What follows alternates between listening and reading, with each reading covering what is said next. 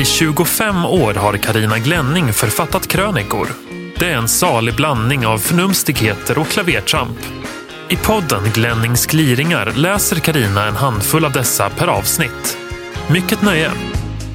Hjärtligt välkommen till Glennings gliringar avsnitt 40. Kvinnor är rena blodhundarna. Jag har en ruggig teori om kvinnor. Riktigt ruggig. Den går ut på att vi är betydligt duktigare på att stötta varandra i motgång än i medgång. Ja, den är värre än så. Teorin visar att en majoritet kvinnor är rent usla på att stötta sina medsystrar i medgång. Men vi kommer sättande likt blodhundar så fort vi vädrar elände. Visst är det läskigt. Det är viktigt, vackert och självklart att bry sig om människor i nöd. Men om man bara klarar det måste det vara något allvarligt fel. Vart tar den kvinnliga solidariteten, kamratandan, systerskapet vägen när det går riktigt bra för en väninna? Varför tänker inte kvinnor som män tycks göra när en man lyckas? Vad härligt att han kan, då kan jag säkert också. Istället för, jaha, nu ska hon sticka ut igen. Vad får henne att tro att hon är bäst lämpad? Hon bränner säkert ut sig. Hon ska alltid vara så förbannat duktig och präktig. När jag var runt 30 år drabbades en jämnårig tjejkompis av bröstcancer. Förvånat berättade hon för mig hur gymnasiekompisar som hon inte haft kontakt med på över tio år ringde. Hej, jag hörde vad som hänt. Hur mår du gumman? Var hade de vännerna befunnit sig i alla år? Min kompis hade förstås ingen som helst lust att plötsligt vika ut sina känslor inför dessa främlingar. En annan bekant berättade nyligen hur det har gått oerhört bra för henne jobbmässigt den senaste tiden. Hon har uppmärksammats både här och där. Men de hon trodde var hennes vänner tiger som muren. De har dragit sig undan, som om hon plötsligt är pestsmittad. Som om hon inte har behov av dem längre. Som om vänskap bara är viktigt när man mår dåligt. Men om min kar skulle drabbas av cancer så kommer de väl sättande igen, säger hon syrligt. Det är bra att bry sig om, ta hand om, stötta, trösta, hjälpa. Självklart är det det. Men om vi inte vill eller klarar det motsatta, att från djupet av hjärtat hurra och applådera när en vän lyckas, då är vi riktigt störda. Den som inte blir ärligt glad och vännens vägnar kan väl inte vara en riktig vän? Nästan ännu värre är de som låtsas vara glada för min skull, med ett leende så ansträngt och falskt att nyllet hotar krackelera. Vad är det för kvinnlig grottgen som bara går igång av elände och av blodlukt? Nog måste det ha med självkänsla att göra. Medan män tycker att de duger fint som de är så ska vi kvinnor jämföra oss med andra spegla oss. Det får mig att undra vilka det egentligen är som står i vägen för oss, i den mån någon nu tycker att någon står i vägen. Är det männen eller vi själva? Tonåringar är bäst, del 1. När mina barn var små och en kollega hade tonårsbarn så sa hon jag förstår om du inte tror det nu Karina, men åh vad det är härligt med stora barn. Mycket roligare än små. Jag trodde nog inte riktigt på henne. Alla har vi matats med det där uttrycket små barn, små bekymmer. Stora barn, stora bekymmer. Tonåringar, det kändes mest läskigt. Nu är jag där och jag håller helt med henne. Småbarnsperioden ter sig i backspegeln mest som en evighetslång serviceinrättningstid och sjuka var de hela tiden. Och alla dessa perioder ska vi inte tala om. Och potträning och tänder. Och sovbekymmer och treårstrots och fyraårstrots och lilla tonåren och förpuberteten. Visst hade det sin tjusning att, hals, att hasa runt i Astrid Lindgrens värld och att höra läskiga grejer i tält mitt ute i skogen. Men det kan ändå inte mäta sig med nuet. Nu är de egna individer, mer än barn. Åh, vad jag gillar det! En viss del av serviceinrättningskänslan finns visserligen kvar. Men för varje år som går känner jag mig mer som livscoach än hushållsgumma. Det är ju nu barnen på allvar ska vägledas och tränas till att klara sig i vuxenlivet. Klara sig utan mig. Båda mina barn har alltid älskat mat Under småbarnstiden serverades visserligen i mitt tycke allt för mycket barnmat, men nu är det andra tider. Vad ska vi äta i helgen? Är en inte ovanlig fråga mitt i veckan. Vi hjälps åt, dukar fint, tänder ljus, sitter länge och njuter av maten. Väldigt gärna prova de nya smaker som vi inte haft förut. Vilken lycka att laga mat till ett sånt gäng. Och när man är på tur man hand med ett av barnen, som vid en lång promenad i skogen, då kan man ha tur och bli delgiven deras innersta tankar. Om kärlek, vänskap, rädslor, drömmar, barndomsminnen, tonårsnojor. Och så blir det intressanta diskussioner om det verkligt viktiga, kärnämnena, alltså livets kärnämnen.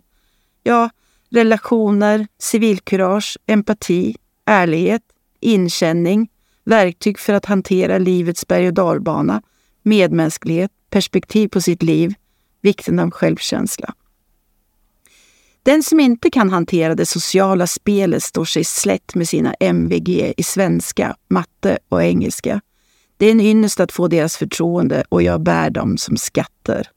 Men det är ju så roligt med stora barn också. Vi skrattar åt samma saker, gillar samma tv-program, kollar samma knäppa Youtube-filmer, driver med varandra och kan hitta på grejer som alla uppskattar. Det bästa med tonåringar är att den där balansgången mellan lyckat och misslyckat inte är så fasligt viktig längre. När något går åt skogen är de så stora att de kan inse humorn i det och skratta åt eländet. Mer om det i nästa krönika. Tonåringar är bäst del 2.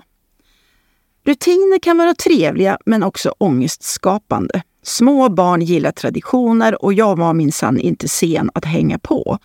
Så gott som alla högtider har firats på precis samma vis. På påskafton kom den jättelika påskharen och skrev en siffra med småsten på utomhustrappan. Siffran angav hur många påskägg som låg gömda i trädgården. Ja, det var samma ägg år ut och år in, men sådana petitester fäster sig inte små barn vid. Den enda som någonsin fick en skymt av påskharen, det var jag. En jättelik hare var det, med en gigantisk ryggsäck som jag har fått beskriva för barnen hundra gånger. Vad som legat i äggen har aldrig varit så noga. Det var själva letandet som var grejen. Det blev fler ägg för varje år och de fick finna sig i att vissa ägg innehöll eklöv, älgbajs eller grus. Midsommar har alltid firats med jordgubbstårta vid strandkanten. Man måste plocka blommor till huvudkudden och lyssna på Taube. Evert Taube. Halloween har alltid ägnats åt vårt största arrangemang alla kategorier. En spökfest för stora och små.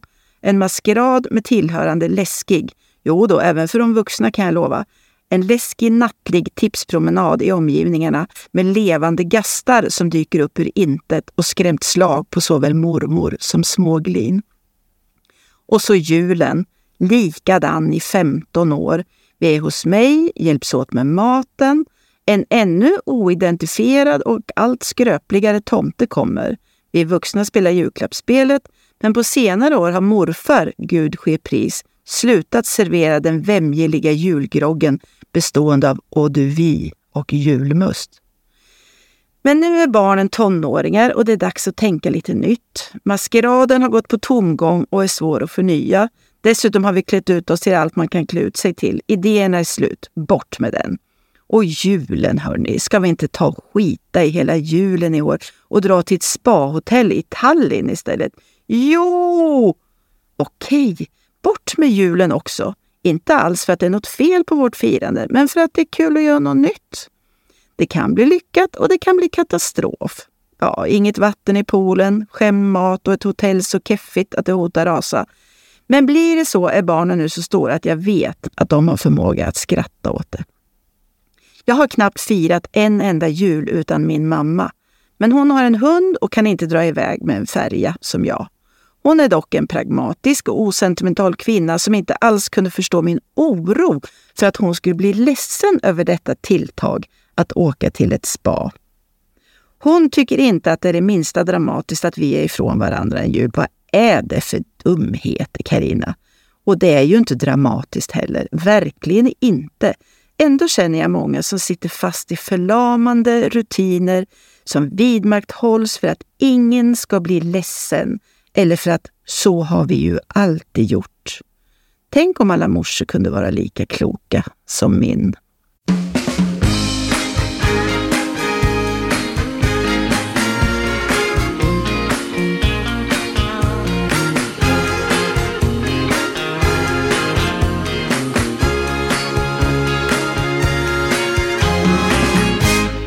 Tröst till alla ungdomar. Som ung var jag övertygad om att alla över 40 hade det tråkigt, för så såg det ut. Jag tyckte äldre människor verkade tömda på energi, tömda på livsglädje, tömda på upptäckarlust. Nu vid 47 förstår jag bättre. Man blir inte alls tömd, man blir påfylld av något. Ett inre lugn. Till viss del ersätts energin av lugnet, men hallå, det är inte tråkigt. Tvärtom är det ren och skär harmoni att slippa all jakt. Jakt på upplevelser. Allt roligt händer där jag inte befinner mig. Jag måste vidare, måste vidare, annars missar jag det bästa. Jakt på pengar. Man blir nog lite, lite lyckligare om man har mer pengar. Är det inte så? Jag måste spara mer så att jag kan göra det där och det där och det där. Jakt på prylar.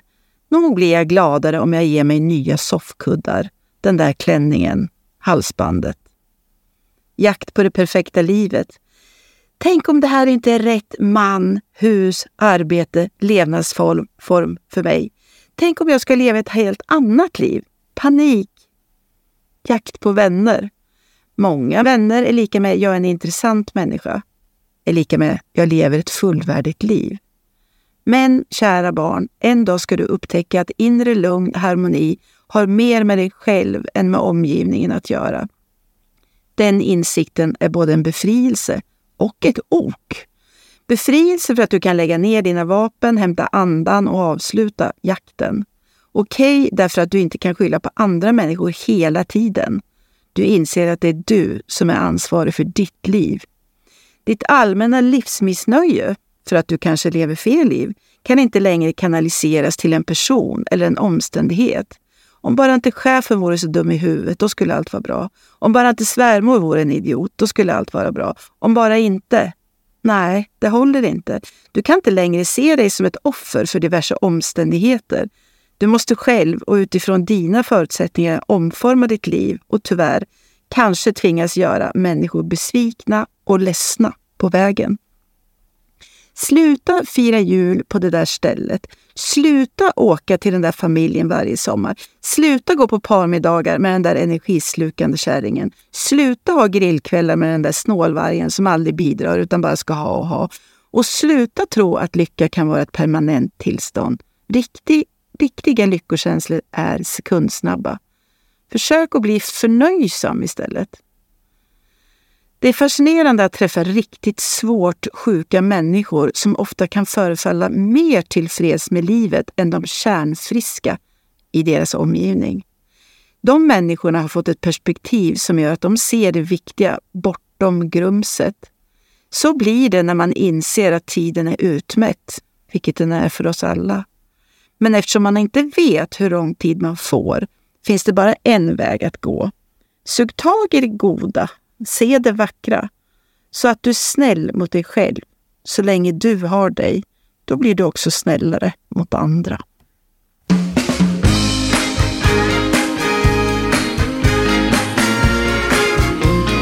Du har lyssnat på Glennings gliringar.